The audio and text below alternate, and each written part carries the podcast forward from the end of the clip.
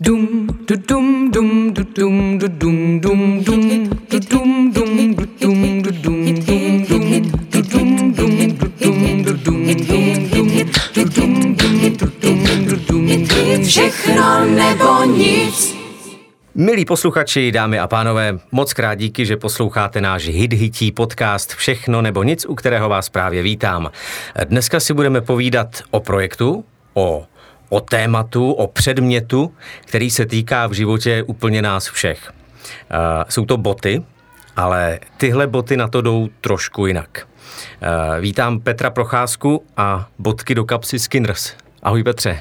Ahoj, díky za pozvání. Uh, my děkujeme, že jsi přišel. Petře, boty jsou věc, která patří k životu tak neodmyslitelně, že by člověka nenapadlo, že na nich jde vymyslet něco novýho a respektive, že se dá vymyslet nový typ boty. A tobě nebo vám se to podařilo. A můžeš nám říct jak? Tak eh, ten úplně prvotní nápad na boty, no boty neboty, ponožky boty, ponožko boty, to je asi nejčastější název, eh, co slycháme, jak se vlastně náš produkt jmenuje. Eh, interně i, nebo i mezinárodní zákazníci tomu nejčastěji říkají Skinners nebo Skinnersky po Česku, uh, tak se zrodil v hlavě v Norsku, už ani pomalu nevím, kdy to bylo, v létě 2014 snad, uh, kdy kamarád si poranil nohu, nemohl nosit boty a mě pak večer při cvičení napadlo, uh, že proč prostě není na trhu něco mezi právě ponožkou a botou, něco, co by dalo noze komfort a svobodu a bylo zbalitelné jako ta ponožka a zároveň nohu ochránilo a mělo výdrž jako ta bota. Tak právě nějaký jako takový hybrid. A myslel jsem, že něco takového na trhu musí být. Šel jsem to, šel jsem to pak večer eh, na ubytování googlovat, ale nic, eh, nic jsem nenašel. Jediný, co se tomu jako blížilo, byly takový ty pětiprstý eh, boty od Vibramu, Five Fingry, ale to jakože se úplně nezhodovalo s tou mojí představou, takže mm, to byla taková prvotní myšlenka. Já ještě ten večer jsem se vydal ven a e, zkusil jsem si najít nějaké materiály, ze kterých bych si udělal prototyp. To se, mi, e, to se mi podařilo, šel jsem to první večer otestovat a zjistil jsem, že tady v tom mém prototypu, který nevím, jestli někdo viděl vůbec od, od té doby, ten uh, prototyp. Ten prototyp, protože no, on samozřejmě, jsi... tak jako uh, velmi často prototypy bývají, nebyl, nebyl vůbec vzhledný, ale byla důležitá ta jeho funkčnost a to splňovalo docela dobře. No a tak samozřejmě potom... Jenom promiň, s tím prototypem si říkal někde, už nevím kde, že uh, až prodáte milion párů uh, bot, tak ten prototyp ukážeš.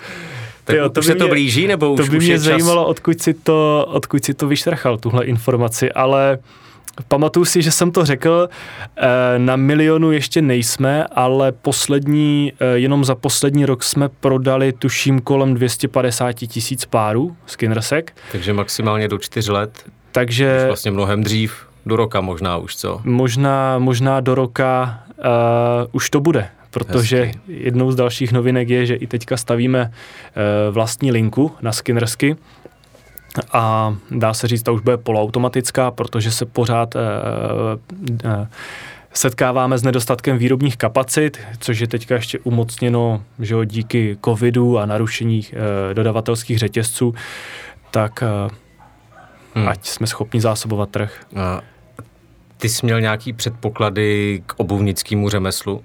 Nebo někdy by napadlo, že udělám i prototyp boty, tak vůbec nevím, jak na to. Eh, tak jsi manuálně tak zručnej, anebo, nebo někdo z rodiny, máš k tomu nějaký eh, no. bližší předpoklady? To já myslím, že předpokladem je jedině tak mé příjmení, procházka. A to je dobrý, Botám. vidíš to. Kvéto nomen omen. Ale manuální zručnost tu mám asi po tátovi. Ten eh, je sice lékař, mamka je zubařka, a, ale táta pořád po práci něco kutí, takže tam jsem možná něco pochytil. Já jsem původně měl být taky doktor, jsem maturoval z biologie, chemie, skončil na právech a... A pak vařil v Norsku. Vařil v Norsku a pak u ponožkovod. Jako úspěšný podnikatel. No, uh, jak tě vůbec napadl ten název Skinners? že za mě je to hodně dobře vymyšlený jméno, takový jako marketingově. A dokonce nevím, jestli je to tím, že Google se kouká na to, co hledám na internetu, ale říkal jsem si, když zadám do Google Skinners, tak jestli mi první nevyjede ta postavička ředitele ze Simpsonu. A vůbec už na prvním místě jsou jenom vaše boty. Ten název, on byl původně e, pracovní, a protože jako nějak jsem to nazývat e, musel, ponožko boty, to, to se zrodilo až nějak jako později, ale spíš tam byla inspirace e, u ostatních e, obuvnických produktů nebo typů bot, že máme Crocsy, máme právě ty Five Fingery, uh, jsou tady boty značky Skechers, Deckers, nevím, co všechno by se dalo ještě vymyslet, takže taková ta koncovka jako ERS, že je docela běžná a u nás v kombinaci s tím slovem skin, kůže, pokožka, uh, to tak nějak přišlo samo, protože doteď si vzpomínám, že jak jsem si skinnersky poprvé nazul na nohu, tak jsem měl přesně takový ten pocit takové té druhé kůže na noze. Hmm. No, uh, aby jsme se teda vrátili k tomu počátku, tak udělal si prototyp, kamarád si ho vyzkoušel a... No to ani ne, už jsem ho nedal. Jo, nedal, takže chudák On už dostal, prostě... dostal od doktora mast a... A musel to vydržet s mastí. No a, a jak se pak z toho prototypu pokračuje dál uh, až k úspěšné firmě? Mě právě vždycky bavily uh, startupy a vždycky jsem to měl jako koníčka a takovou formu prokrastinace místo, abych se učil na, zkou, na zkoušky na vejšce. A tak za ty měsíce nebo roky, co jsem si právě četl, ať už tady české podnikatelské magazíny, že jo, je to Forbes, CheckCrunch, eh, klidně hospodářky a podobně, a e, člověk si čte o těch jako jiných e, firmách, po případě jednotlivcích, jak někdo na něco přišel, přišel s tím na trh, vybudoval na tom firmu a stal se úspěšným, nebo mu to nevyšlo, stal se úspěšným třeba na dalším pátém nebo desátém projektu, tak jsem věděl, že jedna z nejdřívějších věcí, co musím udělat, je mít ten prototyp a ten nápad otestovat, validovat na trhu. No a tak jsem hledal způsoby, jak by se to dalo dělat a narazil jsem na crowdfunding a po případě jeho tady lokální mutaci HitHit. A v čem ti to přišlo lepší, než, než jít třeba do banky nebo k investorům? No z hlediska asi toho testování trhu, protože já když bych přišel s produktem, ukázal ho bankéřům, eh, tak bych de facto měl jenom názor od nich a jako to, že by mi dali půjčku, úvěr nebo nějaký jiný instrument, mi vlastně nezaručovalo, že se to bude líbit té mé cílové skupině. Že, jo? Hmm. že jako jak jsem mohl vědět, že zrovna ten člověk, co bude sedět na přepážce, má zálibu tady ve sportu, outdooru a ten jeho názor je dostatečně relevantní za jako dalších 100 eh, lidí třeba na ulici. Takže ten crowdfunding byl uh, jako jasná volba, protože um, tam byla možnost, jak získat peníze na rozjezd toho projektu a druhá uh, si i otestovat ten trh uh, po případě jako zájem té, té cílové... Tu poptávku, jestli tam ta, je. Ano, jestli tam, jestli tam je ta poptávka. Jo, a zároveň to vyzkoušet, jak kdyby předtím, než se do toho jako pořádně řízne a jo, hmm. nakoupí se stroje, formy, stráví se s tím dalších x měsíců, tak člověk takhle může mít jasno o něco dřív. Že jo, ten plán e, pro nás, já to řeknu otevřeně, e, byl takový, když ta kampaň vyjde, nám se to e, podaří vyrobit, tak samozřejmě super. Pokud by kampaň nevyšla, tak jako pro nás my budeme mít jako klid na duši, že e, o takový produkt na trhu není zájem a budeme moct jít v našich životech dál, nebudeme si muset 30 let vyčítat, že co kdyby jsme to tehdy zkusili a tak.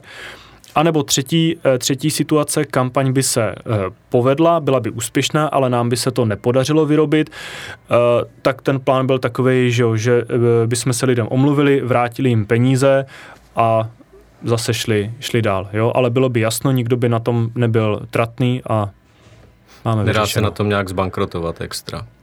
No. no nebo dá? No.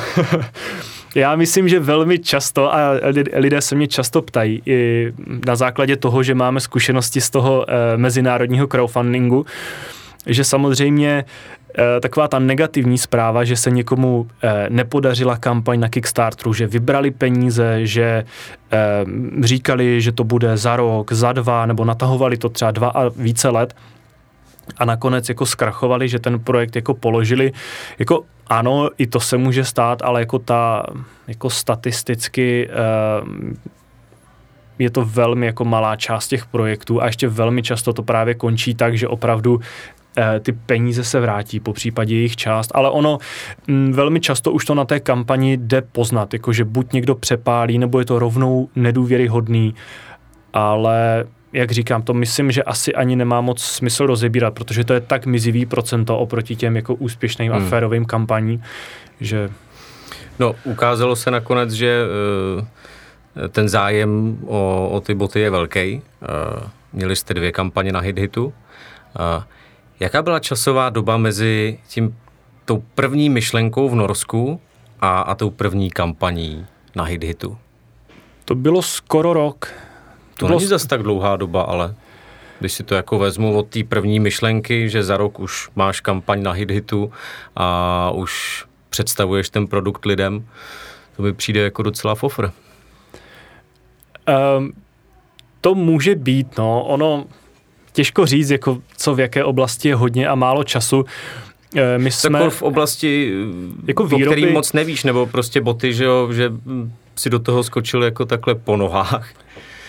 E, tam ano, tam byl trošku ten risk, že my jsme opravdu na tu e, úplně první kampaň šli jen e, s prototypy, jo, který byly vyrobený určitým způsobem a každý, kdo něco dělal, tak mi dá asi za pravdu, že cesta od uh, prototypu uh, k sériové výrobě uh, může být dost uh, strastiplná ještě, zvlášť jako pokud je to výroba něčeho nového. Jo, pokud, bychom, pokud bychom se bavili o, dejme tomu fakt jako normálních botách kožených, tak tam to může být uh, jednodušší, protože člověk nevymýšlí nový stroje, uh, neladí nové teploty, nové časy, že s tím už ten dodavatel jako často pracuje desítky let, takže to může být jednodušší, ale tady e, se opravdu vymýšlely nové výrobní postupy úplně od začátku, takže my jsme do té kampaně vstupovali s tím, že už něco víme, že by to mělo fungovat, ale e, ještě jsme právě potřebovali nějaký čas a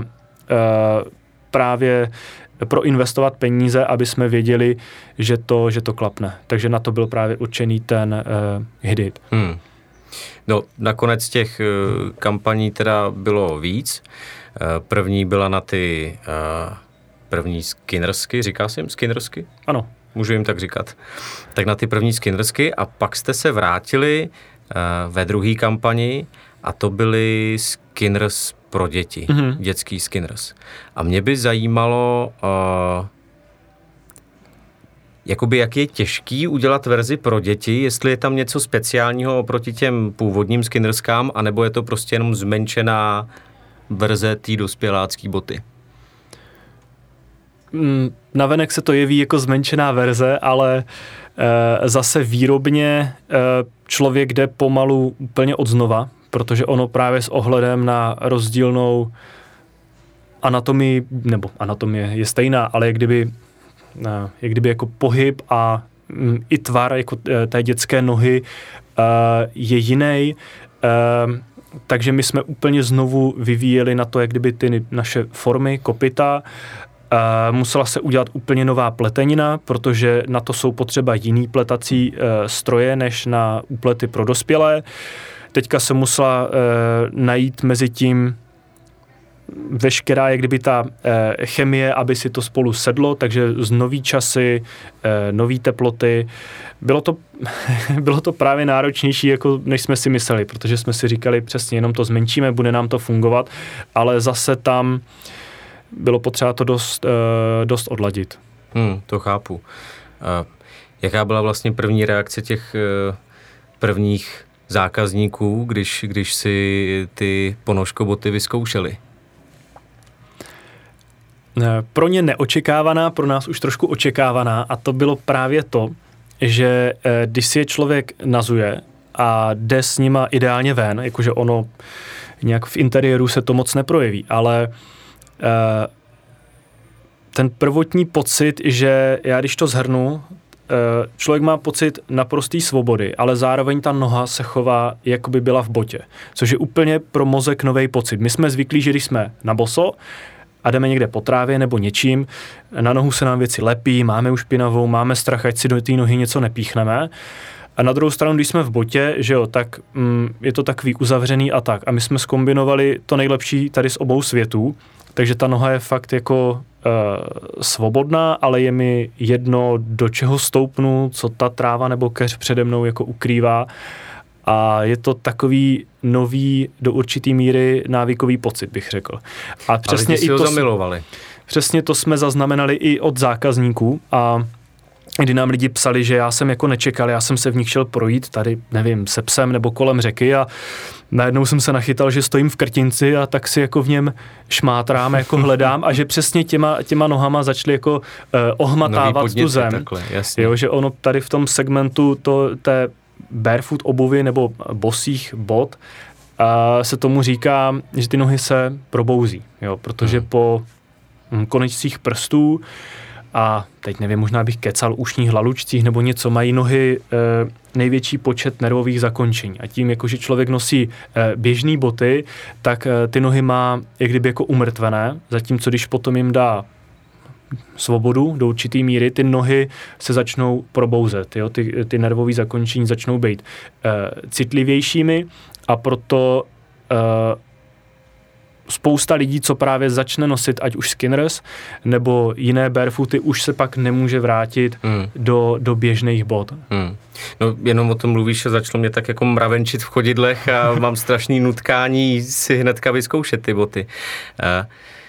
Když jste to testovali, tu podrážku, která musí něco vydržet, co, co to vydrží? Já nevím, třeba hřebík to vydrží, kdybych šlápnul na hřebík? Ne, to rovnou řeknu. To, jako žádná bota nevydrží, že? To rovnou řeknu, že ne, že pokud tam a nemáš jako... Na včelu a tak, tak to vydrží. Jo. Tak to je dobrý, no. to je dobrý. A, no a teďka uh, horká novinka, vlastně, já jsem se jí dozvěděl před chviličkou. Uh, budete spouštět na Hiditu třetí kampaň a ty si nám sem přines ukázat vlastně váš nový produkt, což jsou překvapivě zase boty, ale eh, tyhle boty, co si sem přines, tak vypadají jako úplně normální boty. Vůbec to nevypadá jak ponožko boty, tak jestli bys o tom mohl něco říct? No, to byl docela cíl, aby to vypadalo jako eh, boty mm-hmm. pro běžného člověka, ale jak jsem před chvílí mluvil o tom, že eh, i skinnersky mě, mě přivedli do toho světa tady těch bosobot, barefoot obuvy, uh, neboli pro ty neznalé, uh, nevím, kolik lidí nás bude poslouchat, tak jsou to, jsou to boty, které uh, nebo barefootové boty je typ obuvy, který je založen na tom, aby noze poskytly maximální svobodu. Jo, tím, že jako často se zapomíná, že bota je přece jenom jako obal na nohu a spíš by ta bota se měla přizpůsobovat noze, než naopak noha botě, tak existuje segment uh, obuvy, který si to uvědomuje a dává té noze, je ta bota je typicky vepředu uh, širší, dává dostatek právě prostoru přes prsty, uh, je dostatečně flexibilní ve všech směrech a dá se říct, že má ještě takzvaný nulový drop, to znamená, že no, noha v té botě není nahnutá že jo, typicky dopředu, uh, ale ten rozdíl mezi postavením paty a prstů je, je nula. Takže když uh-huh. v mhm. těch botách stojím, uh, tak ta noha je v rovině. Uh-huh. A ještě jako existuje pár dalších parametrů, uh, které jsou trošku jako, dejme tomu, nejsou tak fixně zakořeněné jako mm, tloušťka podešve, na tu mezi tady barefoot, barefootaři neexistuje jednotný názor, jestli to je do 3 mm a do kolika je to barefoot obuv, do kolika minimalistická. Já bych to jako zhodnotil, takže ono záleží taky, kde ty boty chceš používat. Jo, protože ono, eh, je to jenom můj názor, že třeba eh, co se týče té extrémnější formy barefootu, chodit ve 2-3 mm podešvy celý den po tvrdý městský betonový dlažbě eh, není úplně dobrý, minimálně pro, bych řekl, většinu barefootáků, možná spíš potom pro ty zkušenější, ale to by možná vydalo na celou hodinu toho podcastu. Eh, co já jsem teda přinesl, tak jsou barefooty a já když to zhrnu, eh, tak eh, chyběly, nám, chyběly nám na trhu barefooty, které by vlastně jako barefooty nevypadaly, protože jsme zjistili, že spousta lidí, eh, takhle jako z rad běžných lidí by ty barefooty ráda nosila, že souzní jako s tou myšlenkou dát té noze prostor, protože prostě mít prostor je komfortní, ale eh, často si ty boty nazují na nohu a eh, jak to říct, no, že je to taková, jako nejčastěji slycháme, že taková, nějaká. no, taková jako kačenka ta, ta bota, hmm. jo, že jsou hmm. třeba hodně široký a e, tak my jsme sedli a seděli jsme, vymýšleli jsme, kreslili jsme, řešili jsme každou křivku, až se z toho vylouply boty, které, e, dá se říct, jako ty barefooty e, nevypadají. No vůbec, vypadá to, koukám se tady ze všech úhlů na tu botu a vypadá to úplně jak normální bota. To by skoro šlo i k obleku, ne? Tady ta černá. To byl, to byl za cíl. Jo? No, no tak, jasně, tak že jo, dát si, dát si sáčko, ideální. dát si no, košili. No, jako vidí, vidíš, že ta moda je dneska velmi uvolněná, že jo, že i e, dřív bylo nemyslitelné ještě před pár lety, aby někdo šel třeba na svatbu e, v keckách a dneska regulérně na těch, na těch letních svatbách e, výdáš, že jo, letní obleky a k tomu hmm. jako bílý sneakers. Hmm. Jo, takže my jsme chtěli vytvořit uh, něco skinners, takového. Aby tam mohly být ty. takže místo sneakers skinners. Budou skinners. A co ta podrážka? Ta je taky nějak uspůsobená právě k tomu, aby byla víc cítit, uh, aby byl ten hmatový výjem pro ty, pro ty chodidla? Je, je. Tam, takže tam, jak jsem říkal, tam se řeší ta tloušťka. My jsme na nějakých 4,5 mm, protože já říkám, my jsme dělali boty, které jsme chtěli, ať jsou uh, použitelné právě i na během uh, nachození po, po Praze, po tvrdých, po tvrdých dlažbách, takže jsme nešli úplně do, do těch tenkých podešví. Uh, ladí se tam potom ještě uh, tuhost té směsi, ze které se ta podešev dělá. Eh, aby byla právě stále flexibilní, ty věmy přesto byly, ale zároveň, aby dostatečně vydržela, což je taky občas problém, že někdo udělá moc měkkou tu směs a potom ta bota je po 300 kilometrech prodřená, hmm. zvlášť hmm. ještě, když to zkombinuje třeba se špatnou technikou chůze. No jasně. A jak bude vypadat ta samostatná kampaň? No bude tam video, v něm budu já. No jak to říct, my jsme se pro uh, crowdfundingovou kampaň rozhodli právě z toho důvodu, že my jsme de facto firma, která je na crowdfundingu uh, zrozená a jsme zvyklí, že právě ty produkty uh, vyvíjíme a doděláváme s našimi zákazníky. A takže a tohle je prototyp, co si přinesl? Tohle to, to, co tady leží na stole, jsou, uh, jsou prototypy. A to jste ale, se ale posunuli s těma to jsou prototypama teda, jako, protože vypadá to jak...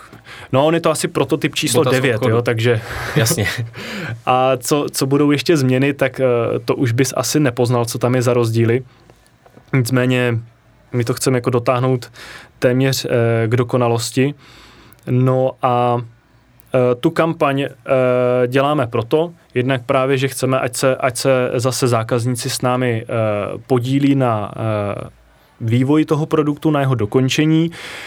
Jednak taky to, že pro nás je to úplně nová výroba. Na té botě je dělané úplně všechno custom, já nevím, jak to říct česky, vlastní. No, Máme úplně všechno vlastní, že ono velmi často se v obuvnictví používá, že přijdu někam do fabriky a už použiju formy na podešve, které tam leží, vysekávací nože a jenom na ten produkt si třeba našiju uh, svý logo jo, a vydávám to za svou botu. Zatímco my jsme uh, udělali úplně všechno jako od znova. My jsme prostě boty překreslili, od výrobců jsme velmi často slyšeli a že se to tak nedělá a že to má být jinak a tak dál a tak dál, ale to je, někdy to je jako specifikum toho barefootu, ale my máme vlastní uh, No, nejnákladnější položka jsou právě udělat si vlastní podešve. Mm-hmm. Jo, to je hlavní, hlavní část uh, té kampaně, co, uh, co potřebujeme dofinancovat.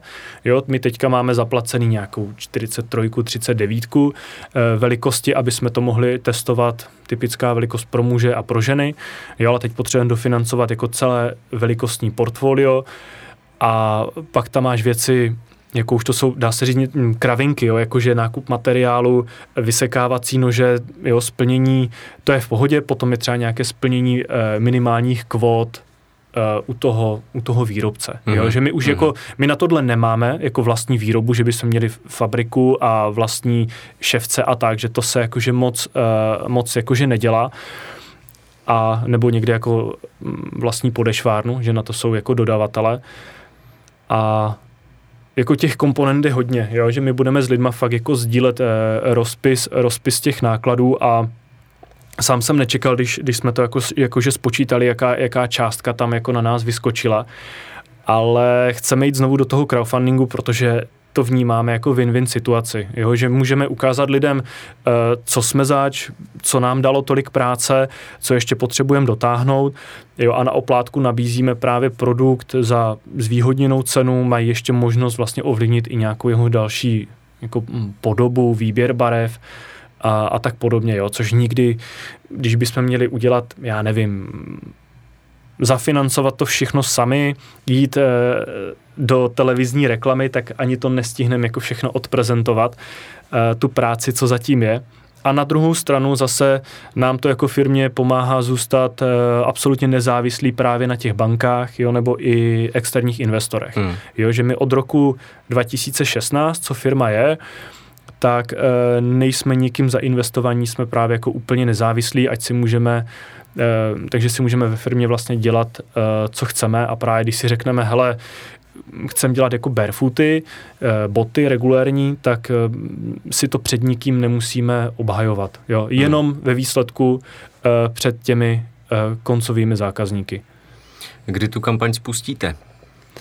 Ta kampaň je naplánovaná na půlku června, že půjde ven. To je za chviličku.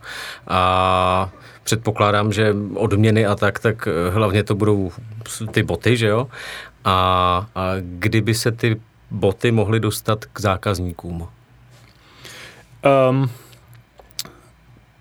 to jsem ještě tak před dvěma hodinama věděl úplně přesně. Tak stačí od voka. Ale bude to, eh, mělo by to být v září. Takhle brzo. Mělo by to být v září, protože... Takže to už opravdu finišujete v podstatě. Eh, dá se říct, pokud se, pokud se něco dalšího nepokazí, protože ono samozřejmě člověk si to nalinkuje a těch věcí, co se uh, pokazilo a uh, jaký už to nabralo spoždění, tak uh, už bylo dost, tak teď doufáme, že už to jako to chápu. jsme si docela jistí, že to bude v září, maximálně začátkem října. Prostě jsou to kožený boty, ať to, uh, ať to uh, zákazníci už můžou nosit na podzim. Že jo? Hmm. Podzim, jaro, asi ideální doba hmm. pro kožený boty. No držím vám s tím moc palce, protože uh, ty boty jsou moc hezký a, a určitě by to mohlo mít velký úspěch. Uh, zůstaňme ještě chvilku u těch kampaní. Uh, mimo Hit Hit, tak uh, ty si šel s těma Skinners i na zahraniční trhy, a to konkrétně na Kickstarter. Uh, je nějaký hlavní rozdíl mezi tím, jak to funguje na Hit Hitu a na Kickstarteru? je velký a k čemu bych to přirovnal? Ono dá se asi první věc, co mě napadá, je to, že eh, když někdo chce na Kickstarter, po případě Indiegogo, konkurent Kickstarteru, tak už je to opravdu profesionální práce, aby ta kampaň byla uh, úspěšná. Že um, mi přijde, že do určitý míry tady český crowdfunding ještě když podcením jako tu přípravu, tak pořád je nějaká šance, že ta kampaň bude úspěšná, že se dostane k lidem. Samozřejmě záleží na milionu aspektů, že jo. Ale uh, ta šance je mnohem vyšší, než když bych s tou kampaní šel, šel na Kickstarter. Ono eh, v době ještě před covidové, jenom třeba pro srovnání, na tom Kickstarteru v jeden čas uh, usiluje o pozornost lidí, co se pohybují na tom crowdfundingovém portálu, zhruba pět tisíc kampaní. Hmm. Jo, teďka ty portály jsou založeny samozřejmě na nějakým algoritmu, že jo, té popularity, kolik lidí přispívá, jakou částku, jakou rychlostí se ten projekt blíží té cílové částce. A na základě toho tě favorizuje, tak jak jako Google favorizuje různé stránky při zadání klíčových slov. A takže já jsem byl moc rád, že jsme mohli e, být jeden, jeden rok, e, nebo začít tady v Česku na hit-hitu docela jako e, jednoduše, protože už i ty věci, co jsme se naučili na hit-hitu, nám pak o to víc pomohly na Kickstarteru, kdy už jsme tu kampaň mohli trošku víc e, profesionalizovat a jít tomu štěstí trochu víc naproti. Hmm. No, Ale ono- to se podařilo, ne? I ta kampaň na Kickstarteru byla velmi úspěšná, ale jakože extrémně ne. Já jsem koukal, že jste chtěli vybrat kolik nějakých 6 tisíc dolarů a, a vybrali jste kolik nakonec? Teď nevím, jestli si ty čísla nepletu, ale myslím, že to bylo třeba 20 násobně víc, nebo ještě, ještě víckrát, ne? Bylo já už si taky nepamatuju, že už je to i takhle, tak, ale skončilo to úspěchem, tak to je, to je, to je ale, hlavní, že jo? E, jakože šlo to s, e, strašně nad očekávání. Jo? My, jsme, my jsme měli nastavený nějaký, nebo nastavený, měli jsme nějaký odhady, jakože jak by ta kampaň e, mohla být jako úspěšná, pesimistickou, optimistickou variantu, ale to, co se při té, e, při té první kampani stalo, to úplně předčilo to Hmm. všechno. Jo? Hmm. To jsme fakt netušili. No a uh, pak mimo Kickstarter, tak uh, jste šli i na to Indiegogo. Uh, to bylo prostě jenom, že vám to nestačilo, chtěli jste ještě víc, nebo to mělo nějaký uh, důvod?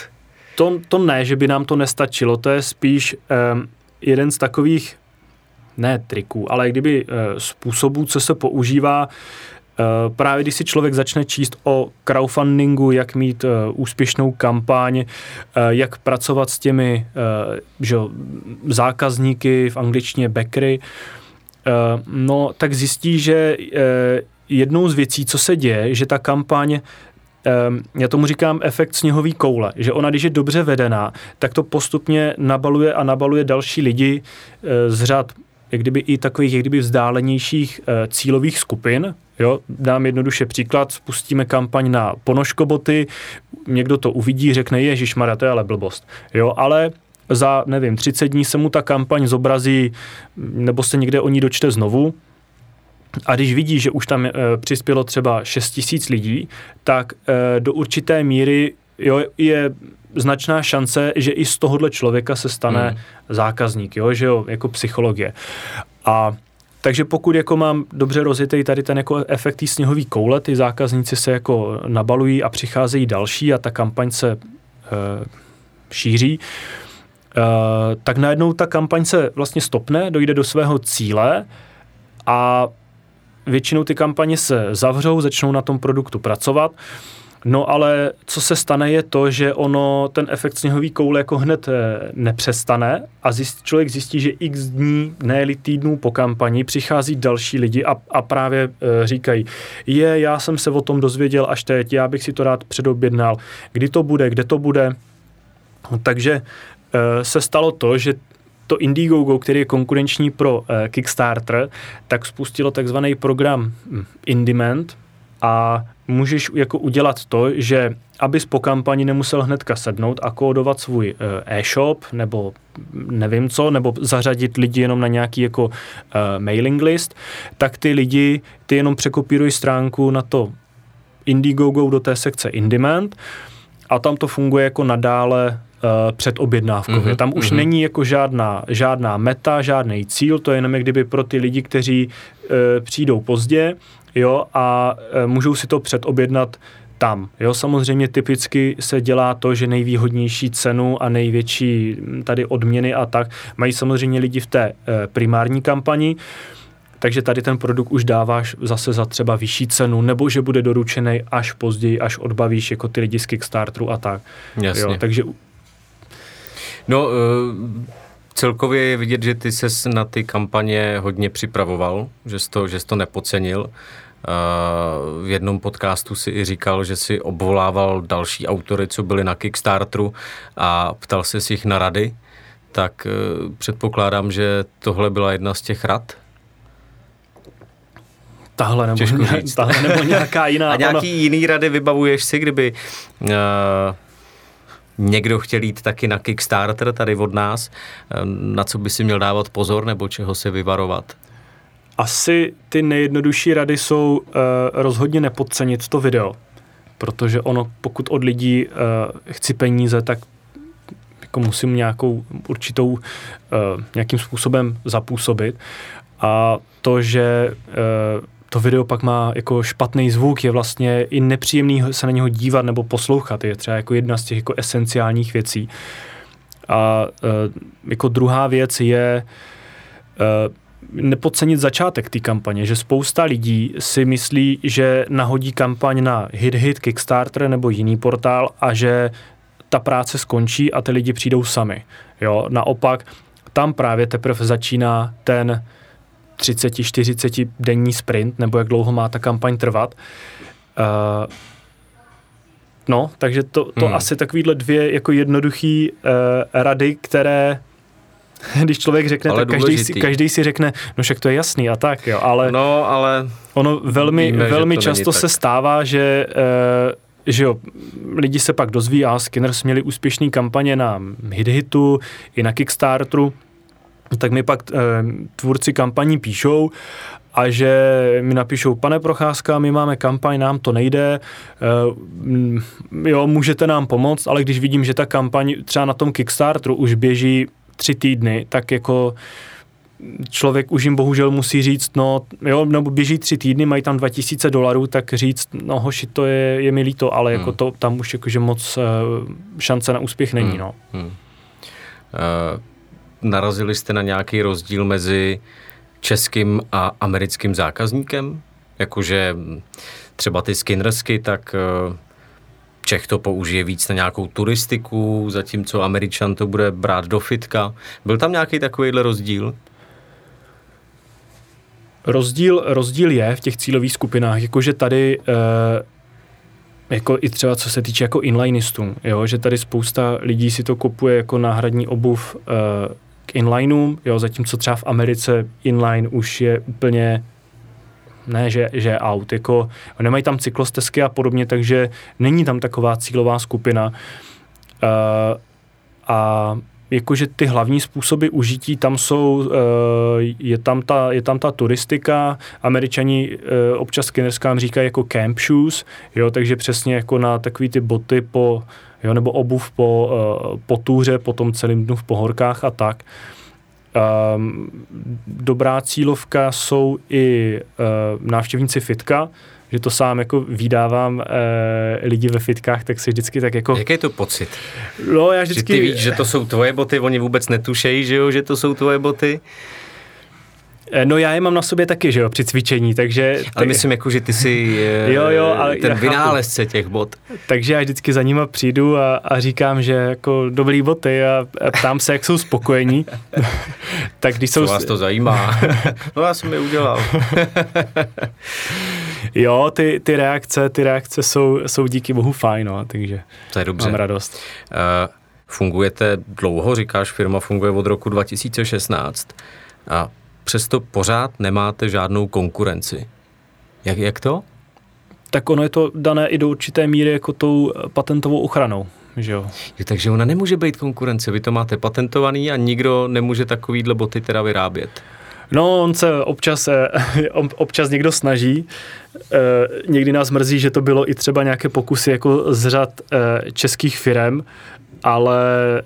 Nemají šanci. jako co ti mám říct, že jo, jako to jsou, to jsou fakt lidi, když někde vidí, vidí eh, šanci, že se dá něco okopírovat, tak jdou a snaží se ti to ukrást, jo, že tady mě eh, jako mrzí, že třeba někdy není dané a možná, možná tím otevřu nějakou nebo rozvířím debatu, jo? že já říkám, ty, tak někdo napíše knihu nebo namaluje obraz nebo udělá sochu nebo něco a e, je automaticky na to chráněný jako do konce života, nemusí za to dát ani korunu, ale člověk udělá nějaký produkt a teď já říkám, ty, jaký je rozdíl, jestli jsem jako tady vytesal hmm. sochu nebo udělal hmm. jako ponožkoboty na to formy, všechno, jo, že taky je to jako e, výsledek tvůrčí e, nebo duševní tvůrčí činnosti a teď musíš e, platit těžký peníze, aby jsi to měl vlastně jako chráněný, jo, že...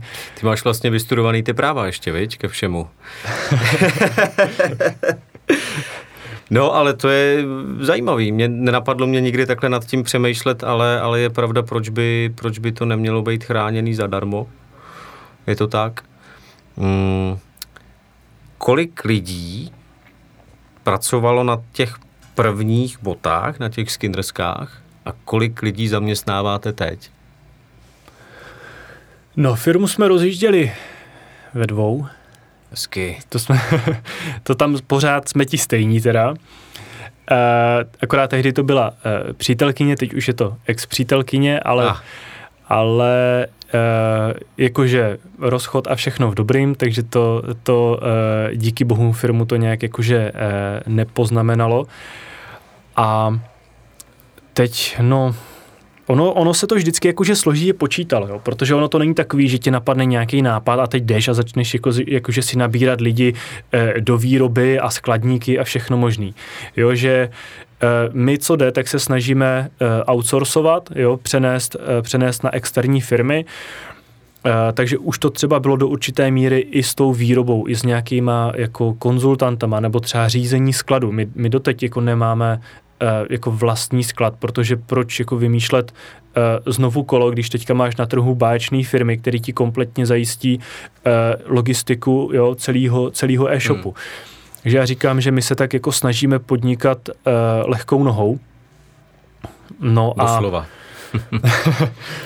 No a když k tomu připočteš jako mm, živnostníky, k tomu máš e, třeba studenty, dohodáře na zákaznickou podporu, tak eh, já bych řekl, že teď to, to eh, jádro Skinners tvoří, je nás tam tak 30 lidí, a když bych i sečetl lidi potom ve výrobách, skladech a tak dál, tak se dostáváme k 80, by to mohlo to být. ale není málo. To už není málo. To no. není málo. Od dvou k 80 a teď se to ještě určitě zvedne. Tady. Jak se vůbec budou jmenovat ty nové boty? Máte Skinners 1.0, Skinners 2.0. Tohle asi nebudou Skinners 3.0, že jo? Uh, ne, to nebudou, jakože, že jo, to uh, označení Skinners jako už zůstane vždycky, dá se říct, jako těm ponožkobotám, po případě v angličtině jako Skinners Sock Shoes. No a boty budou mít uh, nějaký vlastní cool název, jako hráli. A ten je ještě tajný, nebo? Eh, tajný není, kdyby, kdyby už jsme ho měli. No. Jo, takhle. Jakože ono eh, se docela v kanceláři líbilo jako uh, pacemaker, jako udavač jasně, tempa, jo, že jasně. zase nastolujeme nějaký, nějakou novou úroveň v tom daném segmentu. Uh, jenomže jsme si následně uh, uvědomili, že v angličtině to vlastně znamená kardiostimulátor. A je pravda, že trošku to tam vybízí k tomu, no. A ale tyhle boty, eh, i když je to prototyp, tak má na sobě Skinners napsáno. Takže to bude jako Skinners něco? Nebo, nebo úplně jiný jakoby brand? Tak eh, má to na sobě Skinners, protože jako Nike a Adidas to mají taky, že jo, na sobě. Takže, Takže to jako tam, to tam zůstane, ona jako znač, Skinners je značka, mm-hmm. jo, ale teď mm-hmm. to budeme u těch bot definovat právě dále, jo, takže Říkejme, že teď tady, tady máme pacemaker. Pacemaker. Nevím, pak co veganskou verzi. Peacemaker. no, uh, jak jste vůbec zvládli covidový období? Předpokládám, že protože jste e-shop a, a s ohledem na to, že ponožkoboty se hodějí na venkovní aktivity, které byly v jednu chvíli jedinou povolenou činností, tak eh, pro vás ten covid asi musel znamenat růst tržeb. To znamenalo, jakože na začátku uh, to úplně nevypadalo, protože ono přece jenom, že jo, přiznejme si, není to uh, benzín, cukr, chleba, nevím co, prostě věc jako základní potřeby, ale tak jak právě spousta sportovního a outdoorového uh, vybavení a zboží až nějakou jako následnou potřebou či zálibou, Eh, tak jsme byli vystrašeni ty prvotní, prvotní týdny, protože jsme viděli, jako, že eh, tady všem našim i třeba zpřízněným projektům jako ty tržby spadly, že jako ta panika na tom, na tom trhu byla, co bude dál. Ale právě po, po těch pár týdnech se začalo ukazovat, eh, tak jak říkáš, no, že mm, člověk ten čas nějak potřebuje trávit, eh, relaxovat, věnovat se těm zálibám a eh, jediný, co šlo dělat, bylo být venku. Možná ani v některém období ani to ne, ne? Hmm. Jenom v okrese.